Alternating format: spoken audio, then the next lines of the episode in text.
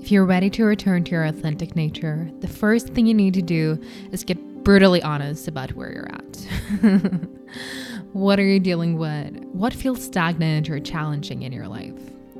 This is the key for you to be able to move from victim to creator, to move into the divine expression of your unique self. To meet yourself at that depth can feel terrifying. And why would you poke a sleeping bear? If you keep pushing away the unpleasant and challenging things that keep showing up in your life, you'll not be able to live in your full authentic expression. You'll walk around with low level anxiety, never truly at peace, never truly present. On the outside, you might look great, but you will not be magnetic and you will not shine in your true radiance. And no amount of workouts, outfits, or lipstick will ever be able to bring out your true radiance. Only meeting yourself in deep, raw honesty until you allow yourself to feel into all of your experience, so much of your presence will still be focused on keeping those unresolved issues away.